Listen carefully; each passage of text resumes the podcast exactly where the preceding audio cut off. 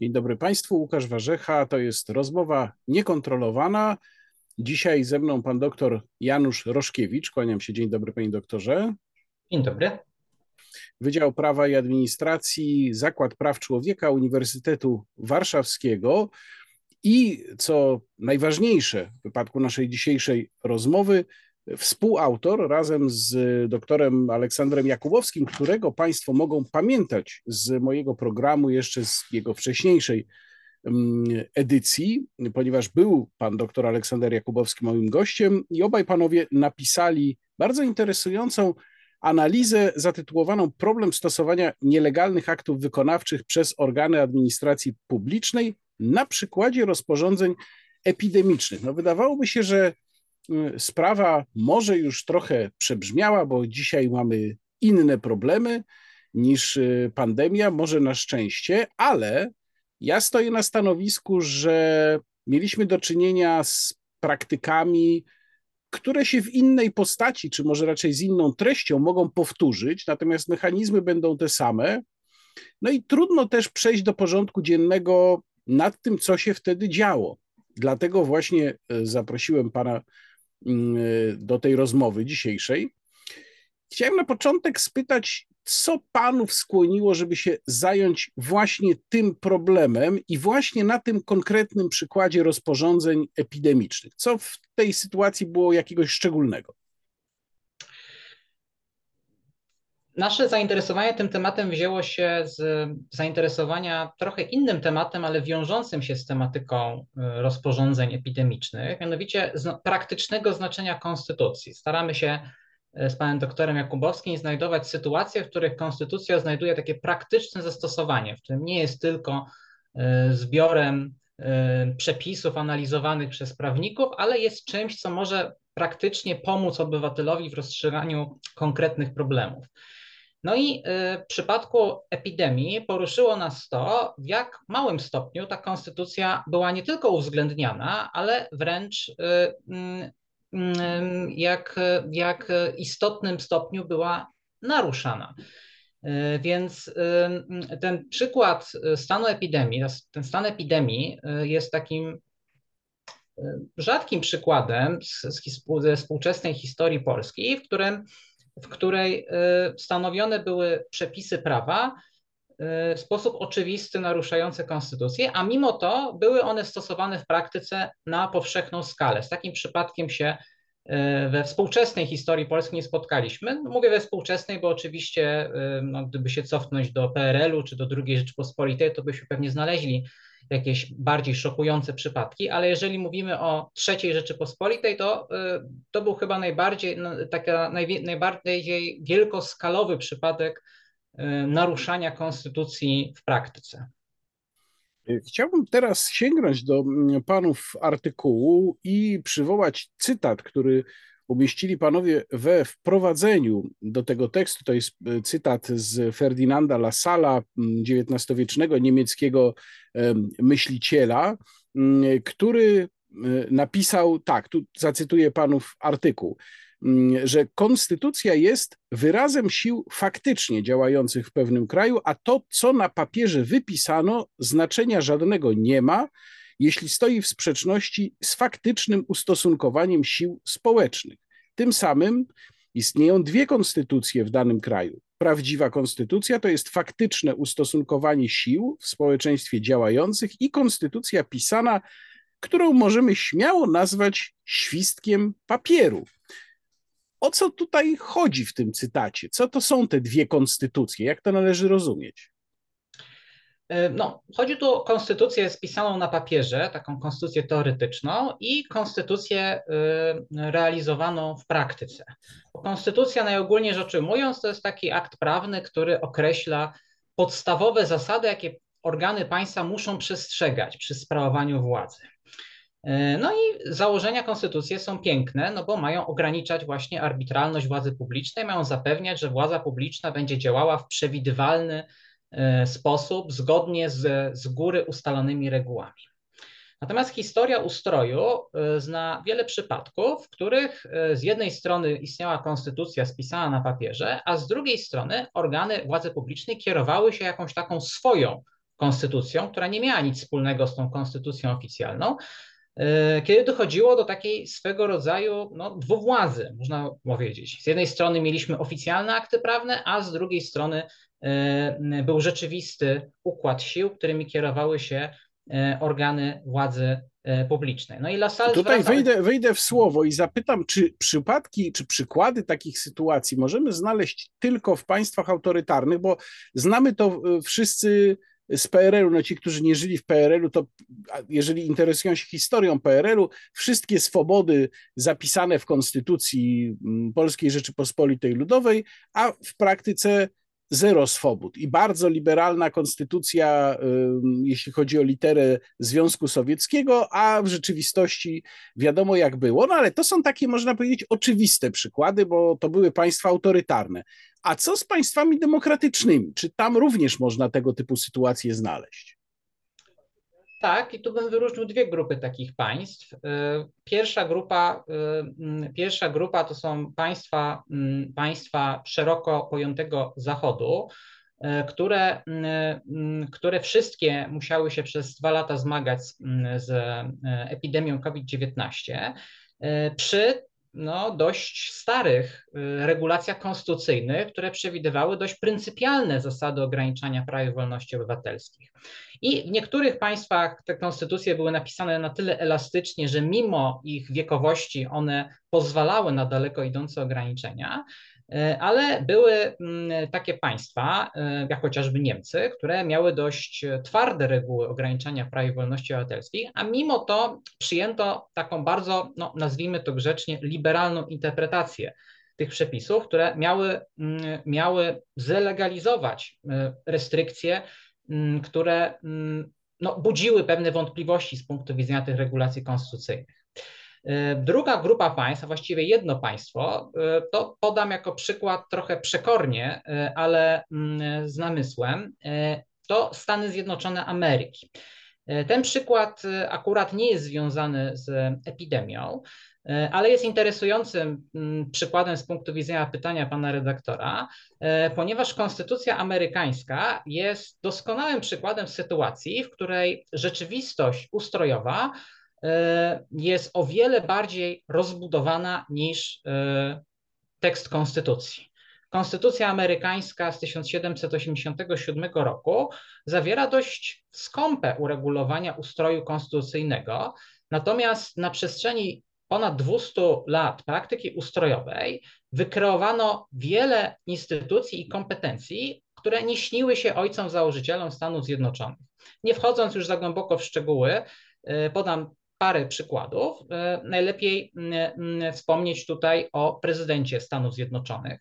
Konstytucja amerykańska przewiduje bardzo trudną i bardzo wymagającą procedurę zawierania umów międzynarodowych, bo Amerykanie obawiali się u zarania z tego państwa, że e, władza wykonawcza będzie pochopnie wchodziła w jakieś zobowiązania e, z, z innymi państwami, więc chciano się zabezpieczyć na ten przypadek, ustanawiając bardzo rygorystyczny wymóg ratyfikacji. E, mianowicie e, prezydent zawierał umowy międzynarodowe, ale musiał na to uzyskać zgodę, zgodę kwalifikowanej większości senatorów, dwóch trzecich Senatu, co no, w amerykańskich uwarunkowaniach politycznych było większością trudną do osiągnięcia. A jaka była praktyka. E, mm, a może pan redaktor wie, e, ile procent umów międzynarodowych Ameryka zawarła właśnie w tym konstytucyjnym trybie? No, takim znawcą Stanów Zjednoczonych nie jestem, ale domyślam się z tego, co pan mówi, że pewnie okaże się, że zaskakująco niewiele. No, około 2-3%. Natomiast. To je, jeszcze mniej niż, był, niż bym zakładał, bo myślałem, tak. że gdzieś koło 10-15. Tak, y, bo ukształtował, bo y, y, ponieważ prezydent George Washington kiedyś przesłał do Senatu pewną umowę w tym konstytucyjnym trybie do ratyfikacji i Senat zaczął krytykować prezydenta za, za, za, za to, że negocjacje były prowadzone w sposób tajny, zaczął się domagać od prezydenta szczegółowych informacji i prezydent Washington tak się zdenerwował, że Mimo, że Senat się zgodził ostatecznie na ratyfikację tej umowy, to pan prezydent uznał, że już nigdy więcej Senatu o zgodę na zawarcie umowy nie poprosi i tak ukształtowała się praktyka zawierania tak zwanych porozumień egzekutywy przez prezydentów, czyli są takie samodzielnie zawierane przez prezydentów amerykańskich umowy międzynarodowe, które są pełnoprawnymi źródłami prawa w Stanach Zjednoczonych. I jest cała masa innych uprawnień, która się ukształtowała tak niejako obok Konstytucji Amerykańskiej, na przykład bardzo bogate uprawnienia prezydenta w zakresie zarządzania siłami zbrojnymi, e, możliwość e, wydawania przez prezydenta rozkazów e, do przeprowadzenia misji nie wypowiadania wojen, ale przeprowadzenia misji militarnych za granicą przez wojska amerykańskie. Tego konstytucja amerykańska nie przewiduje. Więc to jest dobry taki przykład, w którym mamy takie dwa żyjące organizmy w Stanach Zjednoczonych. Konstytucję papierową z 1787 roku, która odgrywa wciąż pewną rolę, ale już nie fundamentalną, i konstytucję polityczną, istniejącą w praktyce ustrojowej, która je, żyje w takiej symbiozie z tą konstytucją papierową. Więc mamy, podsumowując, takie dwie grupy państw, z których jedne naginają swoje przepisy konstytucji, żeby nie stworzyć wrażenia ich naruszania, e, a i drugą grupę państw, które mm, nie tyle naginają, co uzupełniają swoją konstytucję polityczną e, w taki sposób, że w końcu ta praktyczna strona rzeczy staje się ważniejsza niż E, e, formalny stan prawny. A w której grupie w takim razie mieści się Polska, jeżeli spojrzeć przede wszystkim właśnie na okres pandemii? E, to zależy, czy patrzymy z perspektywy rządu, czy z perspektywy sądów. Jeżeli patrzymy z perspektywy rządu, to oczywiście większe znaczenie miała konstytucja praktyczna, konstytucja polityczna. Jeżeli patrzymy z perspektywy sądów, to większe znaczenie miała konstytucja formalna, ta spisana. Sądy y, zdecydowanie trzymały się tekstu konstytucji, przy czym zareagowały z opóźnieniem, bo dopiero po mniej więcej dwóch latach obowiązywania stanu epidemii miały okazję się wypowiedzieć. Natomiast y, organy władzy wykonawczej y, w trakcie stanu epidemii w większym stopniu kierowały się potrzebą chwili niż przepisami konstytucji. A jaka część reżimu epidemicznego była w ogóle wprowadzona rozporządzeniami, jeżeli możemy to jakoś ocenić y, procentowo, ile z tej rzeczywistości, którą myśmy widzieli dookoła siebie w czasie pandemii, wynikało z rozporządzeń? Procentowo to nikt tego nie policzył, ale y, no, te najbardziej dotkliwe dla obywateli y, regulacje wynikały z rozporządzeń rządu. E, czy jak to jest w ogóle z ograniczaniem podstawowych praw i wolności? No bo pewnie wszyscy się zgadzamy, że w sytuacjach nadzwyczajnych jakieś ograniczenia są konieczne, natomiast mamy w Konstytucji opisane stany nadzwyczajne. No i wydawałoby się, że to te stany nadzwyczajne właśnie są od tego, żeby można było wtedy w sposób legalny ograniczyć nasze prawa i wolności. Czy bez wprowadzania stanów nadzwyczajnych można ograniczać podstawowe prawa i wolności? Chyba trzeba by najpierw wyjaśnić też mm, widzom, które to w ogóle są te podstawowe, no bo są podstawowe i rozumiem te niepodstawowe, więc gdzieś jest rozróżnienie. Mm, no to zacznijmy od wyjaśnienia tych y, podstawowych nomen omen pojęć. Y, jeżeli chodzi o sformułowanie prawa podstawowe, to jest to raczej takie określenie y, nie mające wyrazistych granic. Mówi się prawa podstawowe, ale nie ma jakiegoś katalogu praw, które powszechnie się uznaje za podstawowe. Po prostu jest to taki uzus językowy. Najprościej jest po prostu mówić o prawach człowieka albo o prawach obywatelskich. Można też mówić o prawach podstawowych, ale wtedy rzeczywiście można się zastanawiać, ktoś się może zastanawiać, e, czym są w takim razie prawa niepodstawowe. Więc, więc, więc nie, nie, nie ma prawnika, który powiedział, by powiedział, że o, to są prawa podstawowe, a to są prawa niepodstawowe. Tak? No może poza prawem do życia, które dla każdego w sposób oczywisty będzie prawem fundamentalnym, to no, nikt nie byłby, nie, myślę, nie, nie, nie, nie, nie ośmieliłby się dokonać takiego wyrazistego podziału na prawa podstawowe i niepodstawowe. Natomiast jeżeli chodzi o ograniczanie mm, praw obywatelskich, to trzeba przede wszystkim w pierwszej kolejności wyjaśnić widzom, że prawo tutaj trochę inaczej definiuje pojęcia niż przyjęło się w języku potocznym. Bo w języku potocznym ograniczać prawa człowieka y, i naruszać prawa człowieka to są synonimy. A w języku prawniczym ograniczać i naruszać to są dwie różne rzeczy, bo naruszenie praw człowieka jest zawsze niedopuszczalne z punktu widzenia prawnika, ale ograniczenie prawa człowieka jest dopuszczalne, jeżeli spełnia pewne określone w Konstytucji reguły. Więc, nie, więc, więc mm, naruszenie praw człowieka jest niedopuszczalnym ograniczeniem, natomiast istnieją takie ograniczenia praw człowieka, które są, e, które są, y, są dopuszczalne. I nasza konstytucja pozwala na ograniczanie praw i wolności obywatelskich, także bez wprowadzania stanu nadzwyczajnego. Tutaj y, esencja problemu leży w tym, jak daleko te ograniczenia mogą się posunąć. I znów, żeby nie zanudzać y, widzów szczegółami konstytucyjnymi, to w pewnym uproszczeniu można powiedzieć, że w Stanach nadzwyczajnych można odebrać obywatelom prawa obywatelskie niemalże całkowicie, z wyjątkiem takich y, najbardziej fundamentalnych, jak chociażby prawo do życia czy wolność od tortur. Natomiast bez wprowadzania stanów nadzwyczajnych nie można naruszać istoty praw i wolności. E, można jedynie ograniczać te prawa częściowo, można odebrać pewną cząstkę tych praw, zachowując esencję e, tych praw.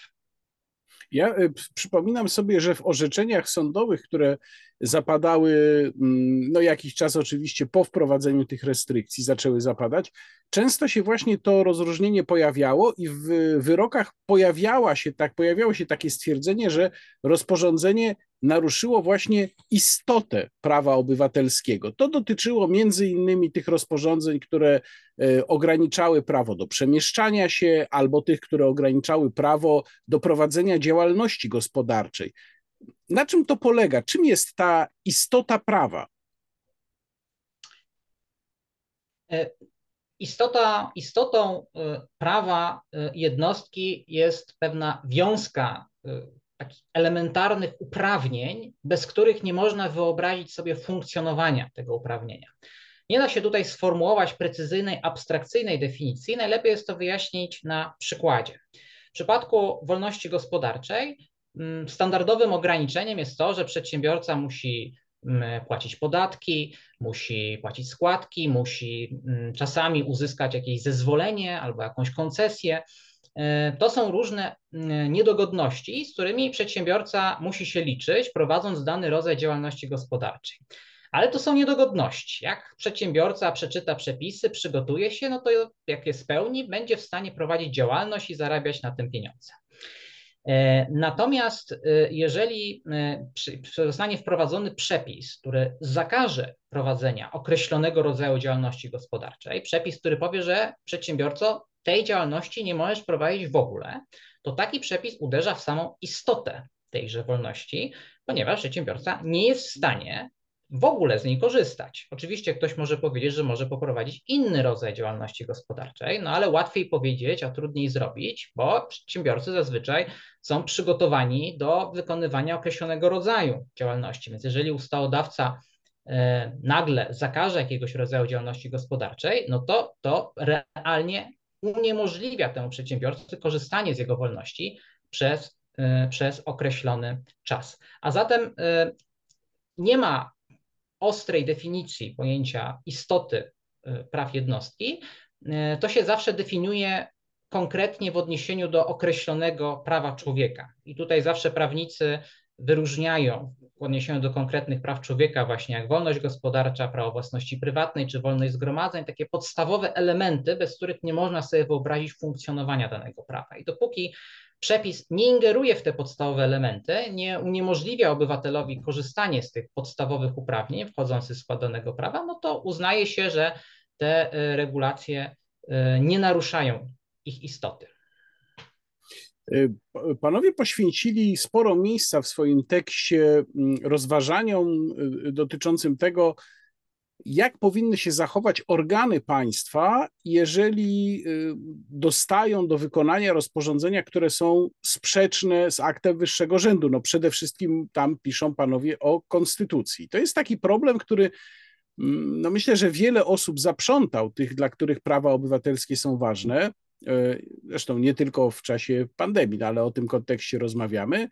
Mm, mówiąc y, w pewnym uproszczeniu, co ma zrobić policjant albo co ma zrobić pracownik sanepidu, jeżeli podstawą jego działania jest rozporządzenie, które mm, jest ewidentnie sprzeczne z konstytucją. Czy w ogóle mm, możemy coś takiego założyć? Znaczy, no, czy, czy, czy możemy, czy organ może sam stwierdzić, że dostaje do wykonania akt, który jest sprzeczny z konstytucją, czyli jak panowie w pewnym miejscu swojego tekstu piszą, nielegalny, bo wydawałoby się, że przecież organ administracji nie może tego sam stwierdzić, że akt jest nielegalny.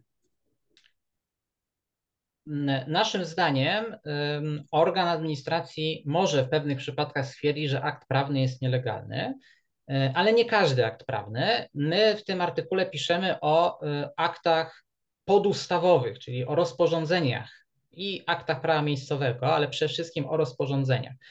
Dlaczego e, to rozróżnienie jest takie istotne? To też warto widzom wyjaśnić, że kiedy przeciętny człowiek nie będący prawnikiem słyszy o prawie, no to dla niego prawo to prawo, przepis to przepis e, i każdy przepis ma taką samą rangę. Tak większość ludzi intuicyjnie w ten sposób rozumuje. E, tymczasem prawnicy pogrupowali akty prawne w określoną hierarchię i są akty prawne ważniejsze i mniej istotne.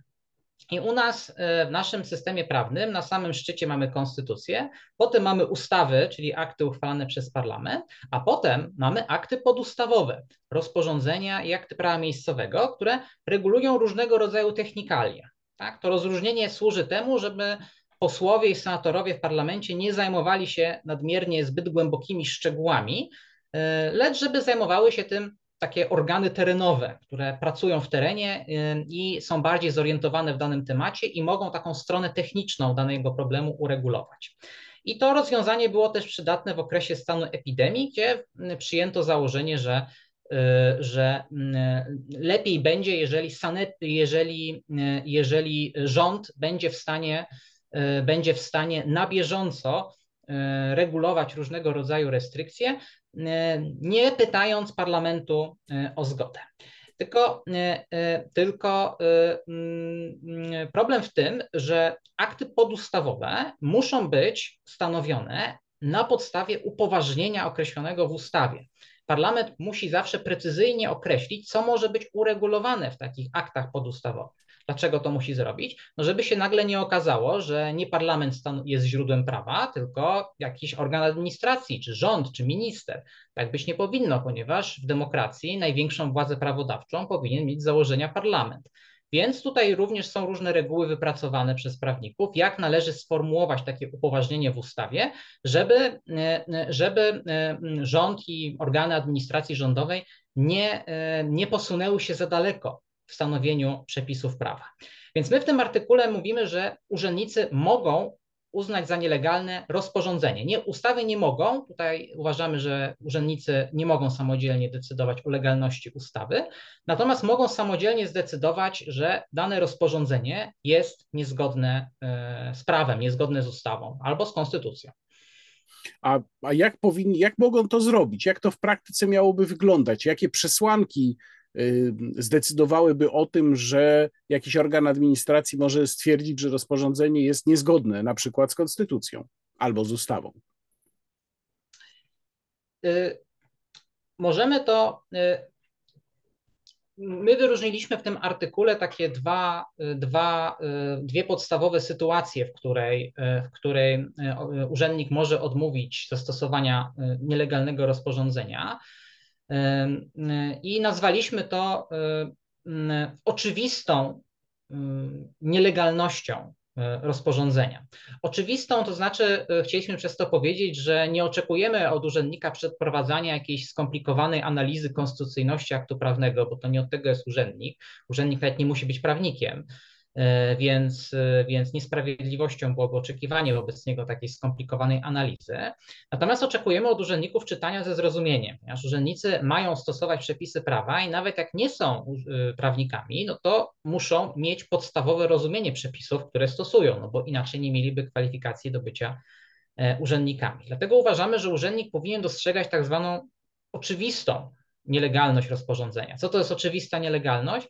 No na przykład to jest sytuacja, w której rozporządzenie literalnie wykracza poza zakres upoważnienia ustawowego, o którym wcześniej mówiłem. I tutaj znów warto odwołać się do przykładu.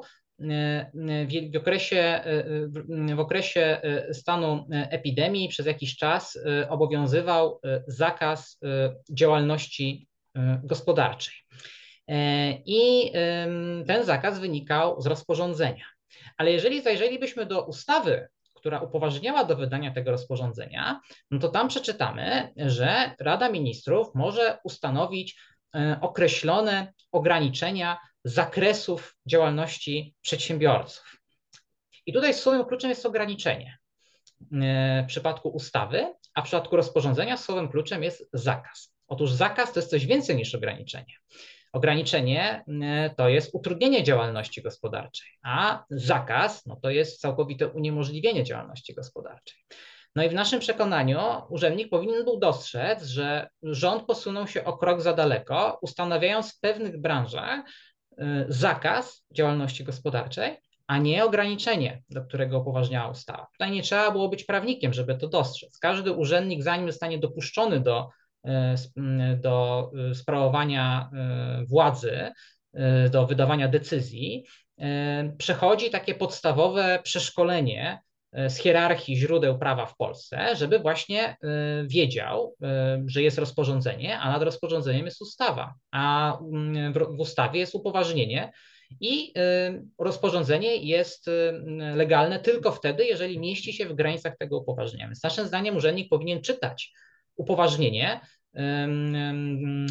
zawarte w ustawie i zestawić je z treścią rozporządzenia. Można to bardzo łatwo zrobić, bo w każdym rozporządzeniu na samym początku, w pierwszym zdaniu jest, napis, jest podana podstawa prawna, która odsyła nas właśnie do tego upoważnienia. Więc możemy sobie otworzyć dwa akty prawne i sobie tym sposobem porównać. I jeszcze drugi przykład można podać.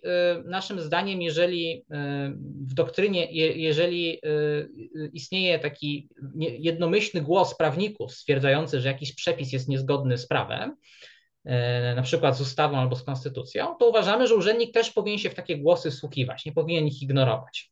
Poprzez powszechny głos rozumiemy na przykład orzecznictwo sądowe. Tak? Teraz na przykład mamy bardzo ugruntowane orzecznictwo sądowe na temat e, tych rozporządzeń epidemicznych i naszym zdaniem w przyszłości, jeżeli jakaś epidemia nastąpi, bo może nastąpi, no to urzędnicy powinni uwzględniać to orzecznictwo i bardziej krytycznie analizować te rozporządzenia, uwzględniając te wytyczne z tego orzecznictwa. Tutaj mówimy o urzędnikach, a czy jest jakaś różnica w przypadku formacji mundurowych? No bo tam y, y, przede wszystkim policja po prostu dostawała rozkaz, czy od funkcjonariusza policji też możemy wymagać podobnej postawy, czy fakt, że to jest formacja mundurowa zmienia tutaj postać rzeczy? Nie, absolutnie nie zmienia postaci rzeczy. E, ponieważ e, obowiązuje tutaj zasada ogólna zapisana w artykule 7 Konstytucji, że wszystkie, wszystkie organy władzy publicznej działają na podstawie i w granicach przepisów prawa. I na podstawie prawa oznacza, że urzędnik czy właśnie funkcjonariusz musi mieć zawsze podstawę prawną dla swojego działania, musi mieć zawsze przepis, który go upoważnia do podjęcia jakiegoś działania, a działanie w granicach prawa oznacza, że ten urzędnik czy też ten funkcjonariusz powinien też dbać o to, żeby nie naruszać innych przepisów prawa przy swojej działalności, że on nie powinien tylko wziąć sobie jakąś podstawę prawną i y, potem robić e, e, wszystko w ramach tej podstawy prawnej, nie przejmując się innymi przepisami prawa, lecz powinien się zastanowić, no dobrze, ale czy ta moja podstawa prawna jest wystarczająca? Tak? Czy, ona, czy ona spełnia pewne minimalne wymagania, które powinny być zachowane przy jej przyjęciu. I tu znów nie oczekujemy skomplikowanych operacji intelektualnych, tylko prostej, prostego sprawdzenia, czy y, y, przepis, na podstawie którego działam, y, został wydany z poszanowaniem upoważnienia ustawowego.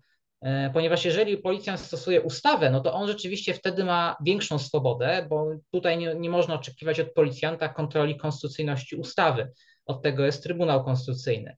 Natomiast jeżeli policjant stosuje przepis rozporządzenia, no to powinien on zajrzeć do upoważnienia ustawowego i się upewnić, czy rząd y, wydał przepis w granicach ustawy, bo policjant jako przedstawiciel władzy wykonawczej służy nie tylko swoim przełożonym, czyli rządowi w szerokim sensie tego słowa, On służy również władzy prawodawczej, która ustanowiła ustawę i ustanowiła granice stanowienia e, rozporządzeń. Określenie władza wykonawcza, której przedstawicielem jest policjant, wzięła się właśnie stąd, że ona wykonuje prawo przyjęte przez parlament. W pierwszej kolejności przez parlament, a dopiero w następnej kolejności prawo przyjęte przez sam rząd.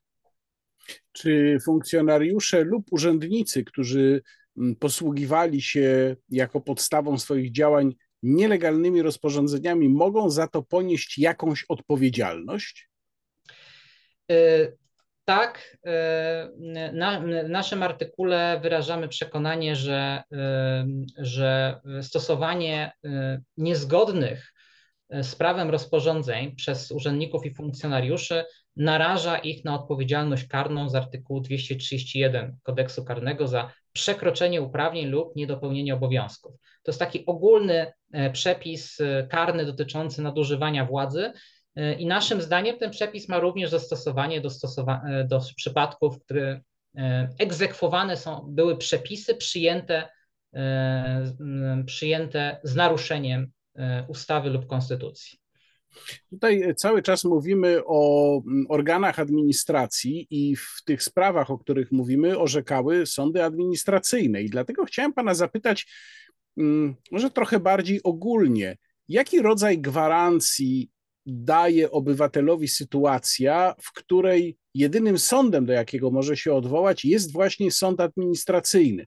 Bo mm, mam wrażenie, że ten mechanizm E, uciekania się władzy do rozwiązań e, właśnie administracyjnych w różnych sprawach, gdzie w grę wchodzą prawa obywatelskie, jest dosyć powszechny. Mm, no i często argumentacja jest taka, no ale przecież obywatel może się odwołać, może się odwołać do sądu administracyjnego. Czym to się różni od sytuacji, w której jakieś orzeczenie zapada w zwykłym sądzie powszechnym? ta sytuacja z odwołaniem się do sądu administracyjnego? Czy można powiedzieć, że to jest mm, pełnia ochrony praw obywatela również w przypadku sądu administracyjnego? To jest niedoskonała ochrona e, praw obywatela z wykorzystaniem sądu administracyjnego. Najlepiej jest to wytłumaczyć na e, przykładzie regulacji obowiązującej właśnie w stanie epidemii. Mianowicie ustawa ustanowiła, wyposażyła Sanepid w kompetencje do nakładania kar pieniężnych za naruszenie restrykcji epidemicznych. E, I rzeczywiście te kary pieniężne nakładane w drodze decyzji administracyjnej można było E, zaskarżyć do sądu administracyjnego. No ale problem, jest tu w tym pewien mały problem. Mianowicie w ustawie przewidziano, że tym decyzjom nadaje się rygor natychmiastowej wykonalności z mocy prawa. Czyli w momencie, w którym inspektor sanitarny nałożył na kogoś karę pieniężną za naruszenie restrykcji, a były to kary dotkliwe, bo y, nawet do, do 30 tysięcy złotych, to y, obywatel musiał uiścić tą karę natychmiast, od razu. E, tam zazwyczaj dostawał jakiś kilkudniowy termin od momentu e, otrzymania e, do ręki pisemnej decyzji. No i potem taki obywatel mógł się oczywiście odwołać do wojewódzkiego inspektora sanitarnego, no ale musiał poczekać kilka miesięcy zazwyczaj, zanim wojewódzki inspektor się wypowiedział. W ponad 90% przypadków wojewódzcy inspektorzy utrzymywali decyzje swoich kolegów z niższej instancji w mocy, no i e, potem obywatel mógł złożyć skargę do sądu administracyjnego i tu e, mógł się spodziewać wyroku za e, mm, rok, półtora. Wyroku, który nawet jeżeli był dla niego korzystny, to nie rozwiązywał dla niego problemu, bo Sanepi zazwyczaj zaskarżał wyrok sądu administracyjnego do Naczelnego Sądu Administracyjnego i dopiero gdy NSA ostatecznie przyznał obywatelowi rację, dopiero wtedy obywatel mógł się domagać od Sanepidu zwrotu uiszczonej kary pieniężnej, co nas, no, mm, następowało tak średnio po upływie pewnie dwóch lat około od samego zdarzenia. Nawet teraz się toczą jeszcze takie postępowania ze skarg, które zostały złożone już wiele miesięcy temu. E, więc ta ścieżka jest, ta ścieżka jest daleka od doskonałości, bo obywatel musi długo czekać na e, dojście swoich praw e, w sądzie. A jak wygląda sprawa z, z, materią, którą się zajmuje sąd administracyjny? Do jakiego stopnia, wokół tego często są nieporozumienia, do jakiego stopnia sąd administracyjny może się właściwie zająć merytoryczną stroną sprawy, a do jakiego stopnia zajmuje się tylko stroną formalną?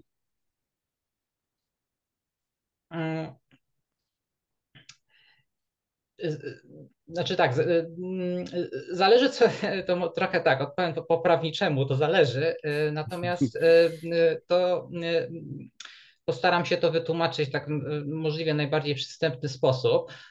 Sąd administracyjny przede wszystkim zajmuje się badaniem, czy decyzja była zgodna z przepisami prawa, a nie zajmuje się natomiast badaniem faktów, które zaistniały w sprawie. Czyli jeżeli na przykład ktoś na podstawie notatki e, funkcjonariusza policji został ukarany za spacerowanie po parku w okresie, kiedy obowiązywał zakaz wstępu na tereny zielone, to sąd administracyjny nie weźmie przed swoje oblicze tego policjanta i go nie przesłucha i nie oceni jego wiarygodności. Tutaj sąd musi przyjąć niejako na wiarę to, że że no, policjant y, i sanepid y, ustaliły, że ten człowiek rzeczywiście naruszył te restrykcje. Chociaż czasami delikatnie sądy administracyjne zaznaczały, że sanepid powinien przedstawić trochę więcej dowodów niż samą notatkę służbową policji. Niemniej jednak sąd nie będzie nigdy wchodził za głęboko y, w, w same fakty sprawy, nie będzie dochodził, kto tutaj mówi prawdę. Sąd się będzie skupiał na przepisach prawa.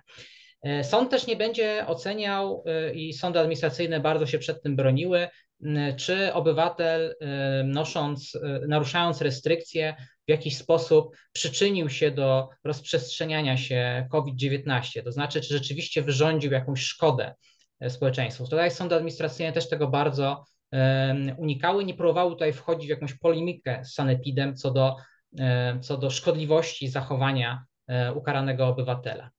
Więc sąd się skupia tylko na zgodności decyzji z przepisami prawa. To jest jedna rzecz. I druga rzecz, y, sąd administracyjny nie może y, zasadniczo zmienić decyzji y, sanepidu, czy w ogóle organu administracji.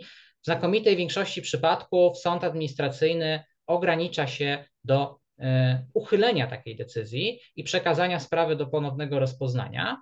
E, co oczywiście wydłuża w naturalny sposób cały proces. Szczęśliwie w przypadku e, tych spraw epidemicznych sądy administracyjne przyjęły bardziej pragmatyczne i słuszniejsze podejście, mianowicie uchylały te decyzje, ale jednocześnie umorzały postępowania, czy uznawały, że ponieważ e, restrykcje były bezprawne, to nie ma sensu zwracać sprawy do sanepidu, bo po prostu w żadnych okolicznościach kara nie była dopuszczalna, bo nie było do tego formalnych podstaw prawnych.